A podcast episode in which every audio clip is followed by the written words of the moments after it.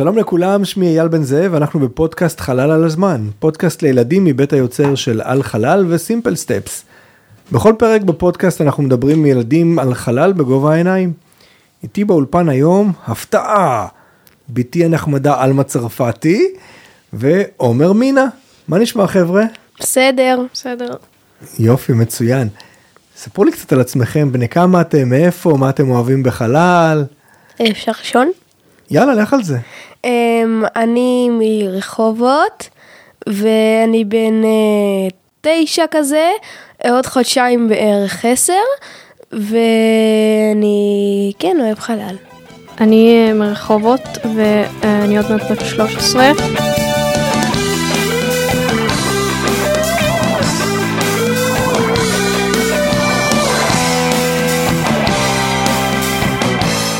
היום אנחנו הולכים לדבר על שיגור לחלל. מגניב. נכון? לגמרי. יש לכם מושג איך משגרים לחלל? אה, משדה פתוח כזה, ששום דבר לא יפריע לאנשים שגרים, שלא יגיע להם העשן של, של החללית. נכון, של המשגר, של הטיל שדרכו משגרים. כן. אז אנחנו צריכים מקום פתוח גדול אמרת? כן. צריך אה, חומרים, צריך, אם זה נכשל, אז יש סיכוי שצריך תוכנית ב' וכל מיני דברים מסביב לזה שיטפלו ב... נגיד בטיל. איך אנחנו משגרים? מה זה המשגר הזה הגדול? יש לכם מושג מה זה? כאן מה שיגור זה כזה? סוג של? כאן שיגור זה המקום שממנו משגרים, שאמרת זה מקום גדול ופתוח, באמת הוא צריך להיות רחוק ממקומות מיושבים, כדי שאם, כמו שאלמה אמרה, תהיה תקלה, אז שזה, המשגר לא יתרסק למישהו על הבית, כי גם זה כבר קרה. ואז המשגר זה בעצם טיל גדול, מלא בדלק. זה פשוט מיכל גדול מלא בדלק. שיושבים בו אנשים. שבקצה שלו למעלה, יושבת חללית, עכשיו זה יכולה להיות חללית עם אנשים בפנים, זה יכול להיות לוויין, שאין עליו אנשים, כן, זה יכול להיות מאויש או לא מאויש, ואנחנו מחזיקים אצבעות שהדבר הזה ימריא, לא יתפוצץ בדרך, לא יהרוס שום דבר, וגם כשאחר כך אה, החלקים שלו נופלים, שהם לא ייפלו בשום מקום ולא ישברו למישהו את הראש, נכון? נכון. לא רק את הראש. לא רק את הראש. הסינים, דרך אגב, פחות אכפת להם, אז הם משגרים לחלל, והחלקים של המשגרים שלהם נופלים אחר כך על כפרים בכל מיני מקומות והורגים אנשים. יש תמונות של חלקים של משגרים סינים בתוך כפרים בסין או בכל מיני מקומות אחרים, בתים הרוסים לגמרי. ולאף אחד זה לא אכפת. כאילו... זה אכפת לכולם כנראה חוץ מלסין, אני לא יודע. התרבות שלהם היא טיפה שונה משלנו. עכשיו יש בתוך המשגר הזה שאני אספר לכם שבערך 95% ממנו זה דלק, ו-5% ממנו זה אותה חללית או לוויין, יש בו דלק. איזה סוג דלקים אתם מכירים? דלק רגיל? כאלו שמתפוצצים. מצוין, שתי תשובות נפלאות. ויש דלק, דלק רגיל שהוא נוזלי, כשאתה אומר דלק רגיל אני משער לעצמי שאתה מתכוון שהוא דלק שהוא נוזלי, ויש גם דלק שהוא מוצק. למשל, סתם אתן לכם דוגמה, כשאתם מדליקים גפרור, כן, הדלקתם פעם גפרור? אני כן, פעם, פעם אחת. יפה, אז עשיתם תנועה כזאת של חיכוך, נכון? והחומר האדום בקצה הגפרור נדלק. הוא לא נוזל, נכון? אבל הוא נדלק. מוצק. יפה, אז יש דלק מוצק ויש דלק נוזלי. יש משגרים שיש להם בפנים דלק נוזלי, פשוט מתדלקים אותם כמו שהם, ב, אני אגיד בערך כמו שהם מתדלקים אוטו, ויש אה, משגרים שיש בהם דלק מוצק, שפשוט בונים את המשגר ומכניסים לתוכו גוש של דלק מוצק, שבשלב מסוים הדלק הזה מתחיל לבעור.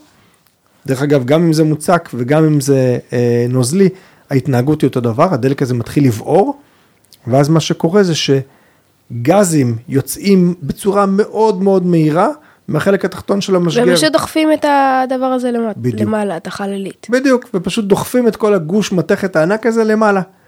זה מה שתמיד רואים, רואים הרבה אש יוצאת מלמטה מהמשגר. זה כל הדלק כאילו שנשרף. נכון, זה הגזים של הדלק שנשרף, דוחפים את המשגר למעלה. עכשיו אם אנחנו לא משגרים מספיק מהר, מה קורה? בום. בום. סוג של, כן, מתפוצץ. הוא לאו דווקא מתפוצץ, אבל הוא פשוט נופל חזרה על כדור הארץ. זה בדיוק כמו ואז שתיקחו- כשהוא מגיע לרצפה הוא כאילו, מתפוצץ אם יש לו עוד דלק בתוכו, נכון. זה בדיוק כמו שתיקחו אבן ותזרקו אותה, כנראה שלא משנה גם אם נביא את הבן אדם הכי חזק בעולם, אם הוא יזרוק אבן, היא תעלה למעלה ואז תיפול חזרה למטה. למה היא נופלת? בגלל כוח הכבידה. כן, כוח הכבידה מושך אותה חזרה למטה. אז איך אנחנו מתגברים על כוח הכבידה הזה? אנחנו, אה, צריך משהו חזק. שורפים או. את זה עד שזה לא עובד כבר. אז אנחנו במקום בן אדם חזק באמת לוקחים משגר שיש בו הרבה מאוד דלק, יש בו כמות דלק שחישבו מראש, שתאפשר למשגר הזה לעלות לגובה מספיק גבוה, כדי שהלוויין והמשגר עצמו לא ייפלו חזרה על כדור הארץ. מה קורה להם אתם יודעים? אמ, הגיעו לחלל, מה עכשיו? מתנתקים מהחללית עצמה. החללית מתנתקת מהמשגר, אבל למה היא לא נופלת חזרה אל כדור הארץ, או למה המשגר עצמו לא נופל חזרה אל כדור הארץ? אה, אמ, תמיד יש כוח כבידה, אבל כאילו לא חזק כמו ה... זה של, אה, שיש בכדור הארץ אמ, מחוץ, אה, בתוך האטמוספירה. נכון, ככל שאנחנו מתרחקים מכדור הארץ אז הכוח כבידה הוא חלש יותר, אבל זה רק חלק מהסיבה למה הלוויין מתחיל להסתובב סביב כדור הארץ. הלוויין, בגלל- אם אנחנו... בגלל המסה שלו, אז זה כאילו מושך את הלוויין. אז יפה. אז כוח, ה... אז כוח הכבידה גורם לזה שכדור הארץ מושך את הלוויין אליו, אבל אז הייתי מצפה שהלוויין יתרסק אל כדור הארץ, אבל הוא לא מתרסק, הוא ממשיך להסתובב סביב כדור הארץ. כמו נכון? הירח. כמו הירח. אותם חוקים פיזיקליים שפועלים על הירח, שגורמים לו להסתובב סביב כדור הארץ, פועלים גם על לוויין וגורמים לו להסתובב סביב כדור הארץ, וזה דרך אגב, זה אותם חוקים שגורמים לכדור הארץ להסתובב סביב השמש. אפשר להגיד מאוד מאוד בפשוט שפועלים שם שני כוחות. כוח אחד זה כוח המשיכה, מנסה למשוך את הלוויין חזרה אל כדור הארץ. והכוח השני זה כוח שגורם ללוויין לרצות להמשיך ולהתמיד במסלול שלו. עכשיו אם אני שיגרתי לוויין מכדור הארץ למעלה, לחלל, בעיקרון הוא רוצה להמשיך, הוא רוצה להמשיך כל הזמן לכיוון שהוא שוגר, אבל כוח המשיכה מושך אותו, אז הוא מתחיל ליפול, הוא מתחיל ליפול, אבל אם יש לו מספיק מהירות הוא לא נופל אל כדור הארץ, הוא נופל סביב כדור הארץ. ובכל נקודה שהוא נמצא סביב כדור הארץ, מצד אחד כוח המשיכה של כדור הארץ מנסה למשוך אותו פנימה, ומצד שני הוא רוצה, הוא רוצה להמשיך באותו כיוון שהוא היה. ואם אנחנו נותנים למשגר הזה מספיק דלק, ומביאים אותו למהירות הנכונה, אז שני הכוחות האלה מתאזנים. שני הכוחות שאחד מנסה לגרום ללוויין לעוף החוצה, ואחד מנסה לגרום ללוויין ליפול חזרה פנימה, הם מאוזנים, ואז הוא פשוט נופל סביב כדור הארץ. בדיוק כמו שכדור הארץ נופל סביב השמש. זו מחשבה קצת מוזרה, נכון? להגיד שכדור כן. הארץ נופל סביב השמש.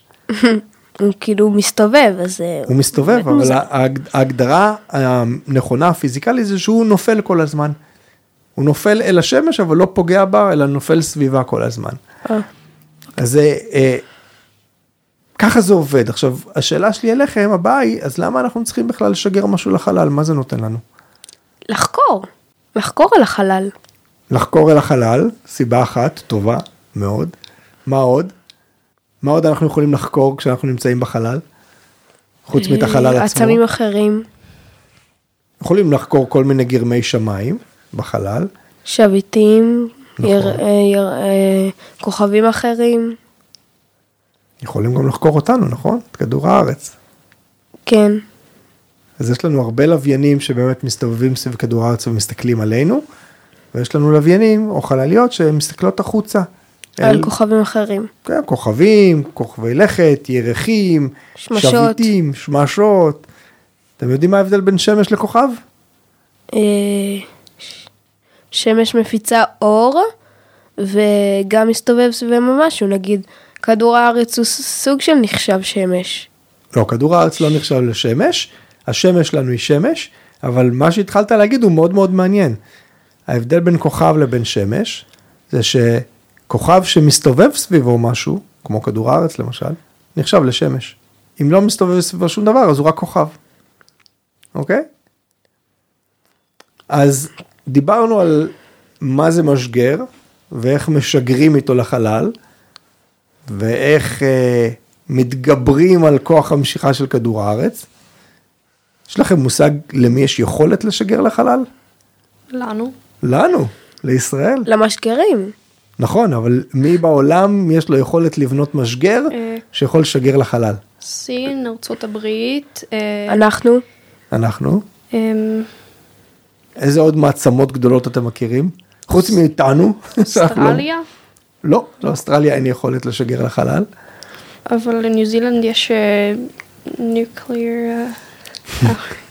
זה מצחיק שאת מציינת את ניו זילנד, כי מכל המדינות שיש להם יכולת לשגר לחלל, והם כולם מעצמות, תכף נדבר עליהם, ניו זילנד היא המדינה ה-11 שפיתחה יכולת לשגר לחלל, אבל זה לא בגלל שממשלת ניו זילנד החליטה שהיא רוצה, כמו שקרה עם ארצות הברית או עם סין, זה בגלל שבני אדם פרטיים החליטו שהם רוצים להקים חברה לשיגור לחלל, וזה אנשים ניו זילנדים.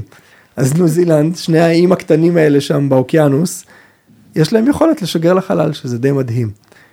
אבל נכון. בוא, בוא, בוא ננסה לספור את ה-11 מדינות, אמרנו ארצות הברית, סין. סין, תחשבו על מעצמות אה, גדולות. רוסיה. רוסיה, מצוין, פעם הם היו ברית המועצות ואז הם בנו את אה. היכולת הזאת. בריטניה אולי? בריטניה פעם הייתה להם יכולת, בשנות, עד שנות ה-70 הם שיגרו אה, לחלל, הם כבר לא משגרים. יפן? יפן, יפה. תחשבו, אני אתן לכם רמז, היכולת לשגר לחלל, בדרך כלל פיתחו אותה לא כדי באמת לשגר לוויינים לחלל, פיתחו אותה כדי לשגר פצצות לקצה השני של כדור הארץ. אם יש לי אויב ואני רוצה לפגוע בו בקצה השני של כדור הארץ, אני צריך טיל שיודע לעלות גבוה וליפול בצד השני של כדור הארץ. בשביל זה בדרך כלל פיתחו את היכולות לשגר, והרבה מדינות אמרו, התירוץ שלהם היה, לא, אנחנו רוצים לפתח אה, לוויינים בשביל אה, פעולות שלום. עלק. אז תחשבו איזה מדינות אתם מכירים, אולי כאלה שאתם פחות אוהבים, שפיתחו לעצמם אה. יכולות, עזה? עזה לא, אבל uh, החברים של עזה באיראן, כן. אז לאיראן יש יכולת לשגר לחלל, וגם לצפון קוריאה, זה שתי מדינות שהן פחות uh, נחמדות אלינו, קצת עוינות. האמת שהן עוינות לרוב העולם, לא רק אלינו, אז יש להם גם יכולת. Um, יש עוד מדינה אחת שהיא מאוד גדולה, והיא די מדינת כזה עולם שלישי. אפריקה? לא, באפר... אה, לא, לא הודו? אפריקה, הודו, בדיוק, הודו, עם כל העוני שיש שם, יש להם גם כן יכולת לשגר לחלל ויש להם תוכנית חלל מאוד מתקדמת. יותר, אפשר להגיד שאולי אפילו בדברים מסוימים יותר מתקדמת משלנו. יש להם יכולת לשגר דברים שאנחנו לא מצליחים לשגר. אז מי היה הראשון ששיגר לחלל? ארצות מכל הברית. המדינות האלה? ארצות הברית? לא, סין? לא. רוסיה? רוסיה. ב-1957, וואה. שזה היה ממש מזמן, לפני שההורים שלכם נולדו, כשסבא וסבתא נולדו בערך, כנראה, אה, ברית המועצות שיגרה את הלוויין הראשון שלה לחלל. אתם יודעים איך קראו לו? לא שם כזה מוזר, את בטוח שמעת אותי אומר את השם הזה כבר. שכחתי. כן, אה, אתה מדבר יותר מדי. נכון? אני מדבר הרבה. מי זוכר את כל הפרטים האלה? ספוטניק. ספוטניק זה השם של הלוויין הראשון ששוגר אי פעם לחלל. ברית המועצות שיגרה אותו. שם מוזר. נכון? אתה יודע מה הפירוש של ספוטניק ברוסית? אה, לוויין? לוויין, בדיוק. זה הפירוש של השם. אז הם שיגרו את זה. אין והם- פלא. אה, נכון? מאוד, מאוד בסיסי ופשוט. והם תפסו את האמריקאים, כמו שאומרים, עם, עם המכנסיים למטה. זאת אומרת, האמריקאים היו מאוד מבוהלים, כי האמריקאים לא חשבו שברית המועצות תצליח להגיע לחלל לפניהם.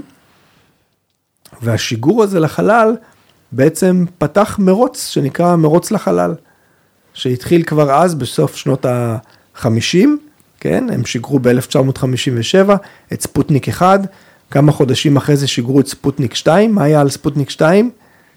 כלבה. הכלבה לייקה. אה. הכלבה הראשונה שוגרה שנכנסה ל- לחלל. כן, שנכנסה למסלול, היא לא הראשונה ששוגרה לחלל דרך אגב, היא לא מתה אה, בשיגור. כן, היא מתה, היא מתה איפשהו שיגרו. בתהליך, או בשיגור, או מיד אחרי זה. הם אה. שיקרו שהיא שרדה את זה. נכון. מתה בחזור. נכון, נכון. הם שיקרו הרבה שנים, כאילו ברית המועצות הרבה שנים לא, סיפרה ש... לא סיפרו שלייקה מתה, אבל לייקה מתה די בהתחלה. אה, לברית המועצות היו הרבה כלבים לפני זה, אבל לייקה היא הכי מפורסמת, בגלל זה כולם יודעים עליה. וזה, ש- אתה תשאל ברחוב, אף אחד לא ידע. אבל אם תחפש באינטרנט, תגלה שהיו איזה 20 כלבים שהרוסים שיגרו לחלל, אוי. עוד לפני לייקה שיגרו כל מיני כלבים. לייקה היא הראשונה שהגיעה למסלול סביב כדור הארץ בתוך ספוטניק 2, וקצת אחרי זה, ארבע שנים אחרי זה, הרוסים שיגרו את יורי גגארין, שהוא היה הבן אדם הראשון שהגיע ש- לחלל והסתובב סביב כדור הארץ. ואז גם האמריקאים התחילו לשגר, גם לוויינים וגם בני אדם וכולי, אבל השיגור הראשון הזה של הספוטניק פתח את המרוץ לחלל. והמרוץ לחלל, אומרים, הסתיים בערך ב-1969, כשהאמריקאים הנחיתו בן אדם על הירח. בפעם הראשונה שהצליחו להנחית בן אדם על הירח, אה, הרוסים אמרו, "הו- הובסנו, האמריקאים הגיעו לפנינו, והרוסים כבר שמו פחות כסף על הדבר הזה, וגם האמריקאים דרך אגב, כבר שמו פחות כסף על לשלוח אנשים לחלל. מה שמעניין זה, מי בנה את המשגר הענק הזה, שהאמריקאים שיגרו איתו לירח? יש לכם מושג? אה, כל זה מיני לא היה מדענים? אחד מהנאצים האלו? יפה. אז זה כל מיני מדענים, אתה צודק, וזה גם אחד מהנאצים האלה, גם את צודקת. אה, דוקטור ורנר פון בראון, מהנדס גרמני, שעבד בשביל הנאצים במלחמת העולם השנייה, בנה בשבילם טילים, שאיתם עם הטילים האלה הם הפגיזו את אנגליה ועוד כל מיני מקומות, וכשנגמרה המלחמה, אז הוא אמר, או-אה, עכשיו אה, הגרמנים הפסידו, והרוסים והאמריקאים ניצחו, ועכשיו אני צריך להחליט לאן אני נופל בשבי, אל הרוסים או אל האמריקאים. הוא החליט ליפול בשבי של האמריקאים, הוא עשה בחוכמה. האמריקאים הפכו אותו ועוד כל מיני טכנאים ומהנדסים שהיו איתו, לקחו אותם לארצות הברית והפכו אותו להיות המהנדס הראשי של נאסא, שבנה את המשגר שנקרא סאטרן 5, סאטרן 5, זה המשגר שאיתו האמריקאים בסוף נחתו על הירח מספר פעמים.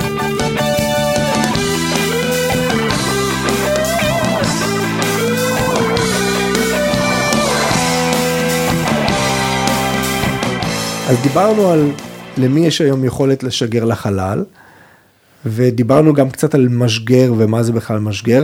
אולי לא אמרתי, אבל דיב- סיפרתי לכם שיש דלק מוצק ודלק נוזלי, ושחלק כן. מה, חלק מהמשגרים יש להם כזה וחלק כזה. אתם יכולים לנסות לחשב מה היתרון של כל אחד מהדלקים האלה, למה הם משתמשים פעם בכזה ופעם בכזה? אה, כי אולי זה פחות מאמץ? זה למשל, זו דוגמה מאוד יפה מה שאתה אומר. דלק מוצק זה דלק שנמצא כל הזמן בתוך המשגר. אז ברגע שרוצים לשגר, מוציאים את המשגר החוצה ומשגרים אותו. דלק נוזלי זה דלק שצריך לתדלק את המשגר איתו. אז כשרוצים לשגר, צריכים להוציא את המשגר החוצה, ואז צריך להביא דלק, ואז צריך לתדלק את המשגר. לוקח זמן, בזמן הזה הכל חשוף, יכולים לירות לנו על המשגר או משהו כזה. אז זה נגיד יתרון אחד שיש לדלק מוצק על דלק נוזלי. יש עוד כל מיני דברים שבהם הם שונים, למשל, כשאתם נוסעים באוטו, האוטו שלנו נוסע על דלק, נכון? כן. מה אנחנו עושים אם אנחנו רוצים להאיץ? מה האמא ואבא עושים כשהם רוצים להאיץ? לוחצים על גז, מה, מה הם עושים כשהם רוצים לעצור? אה, לוחצים על ברקס. בדלק מוצק אין ברקס. ברגע שהוא מתחיל לבעור, כמו גפרור, אי אפשר לעצור אותו. אי אפשר לעצור אותו.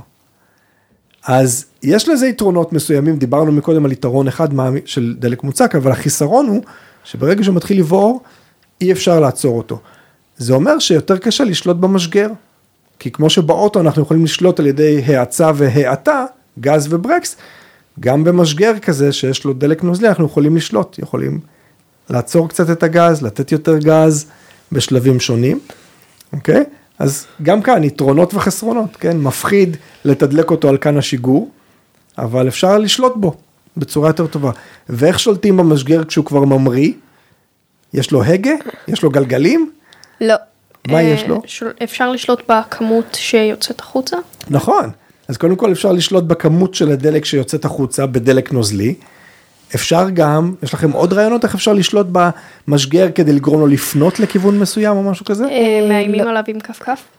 או, זאת שיטה טובה, זה עובד רק על אבא, לא על המשגר. אפשר את החלק התחתון שלו, שמשם יוצאת האש, להפנות ימינה או שמאלה, אה. נכון?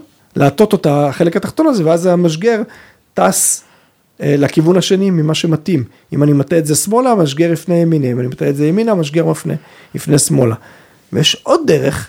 מה יש למטוסים? איך מטוסים טסים? מה יש להם? גם דלק? גם דלק, אבל מה כנפיים. יש להם? כנפיים. אז למשגרים יש כנפונים קטנים כאלה, שאפשר גם אותם להזיז. ואם מזיזים את הכנפונים, המשגר ה- גם כן, זז. גם כן זז. בדיוק, בדיוק. אמ, אתם חושבים שיש הבדל בין לשגר לוויין לחללית? התהליך יכול להיות אותו דבר, אבל כאילו, נגיד לאחד אה, רוצים שהוא אה, יהיה במסלול קבוע ובלי נחיתה, אה, והשני צריך אולי עוד אה, דלק שהוא אה, זה, כדי לנחות בחזרה. נכון, זאת אופציה לחללית שבאמת חוזרת חזרה. אם אני רוצה לשלוח חללית למאדים, איך אני דואג לזה שהיא לא תמשיך ליפול סביב כדור הארץ ותגיע בעצם לכיוון מאדים? מה אני צריך לעשות? יותר דלק? יותר דלק, יותר דלק, יותר האצה. ברגע שאני נותן למשגר יותר מהירות, אז הוא לא ממשיך ליפול סביב כדור הארץ. כן, הוא אבל, כאילו- בורח מכוח המשיכה של כדור אבל הארץ. בתוך כדור הארץ, כאילו, ככל שאתה שם יותר דלק, ה- בכלל המתכת הזה הוא כאילו יותר כבד. נכון, זאת נקודה סופר סופר חשובה.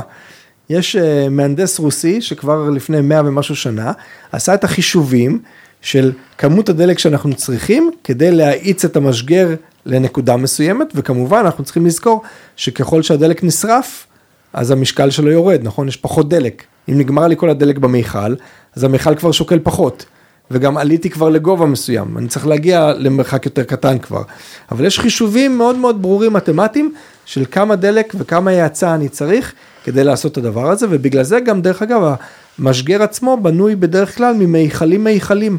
כשנגמר דלק במיכל אחד מנתקים אותו והוא נופל, ואז יש פחות משקל על המשגר. אני רוצה לקראת סיום לשאול אתכם, הייתם רוצים להיות משוגרים לאנשהו? לא. אה, אני לא תשובה יודעת. מאוד ברורה ומהירה. משוגרים לאילת. משוגרים לאילת זה טוב, נכון? כי לוקח ים בזמן להגיע לשם. ארבע שעות באוטו. אם הייתי אומר לכם שאתם יכולים תוך, תוך חצי, חצי שעה, תוך רבע שעה להגיע מפה לאילת, מתאים לכם, אבל זה במשגר עם כל הסיכונים של, אתם יושבים על לא, בעצם, יושבים לא. על מיכל דלק כזה. לא, כזה. לא.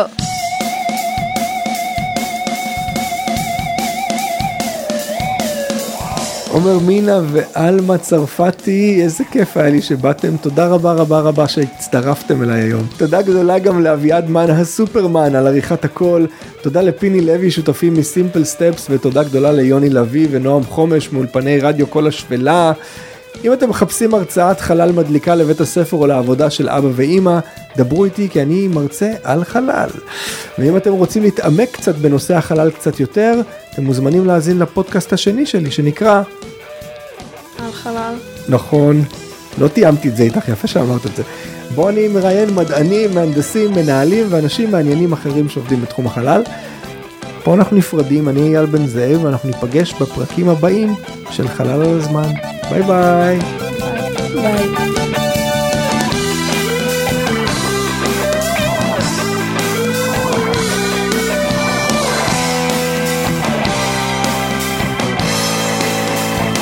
הוא הכריח אותי לבוא לכאן כי הבריזו לו. לא הכרחתי, ביקשתי יפה. לא. ואת הסכמת. לא? טוב, נראה איך ילך. ואז נחליט אם זה טוב או לא.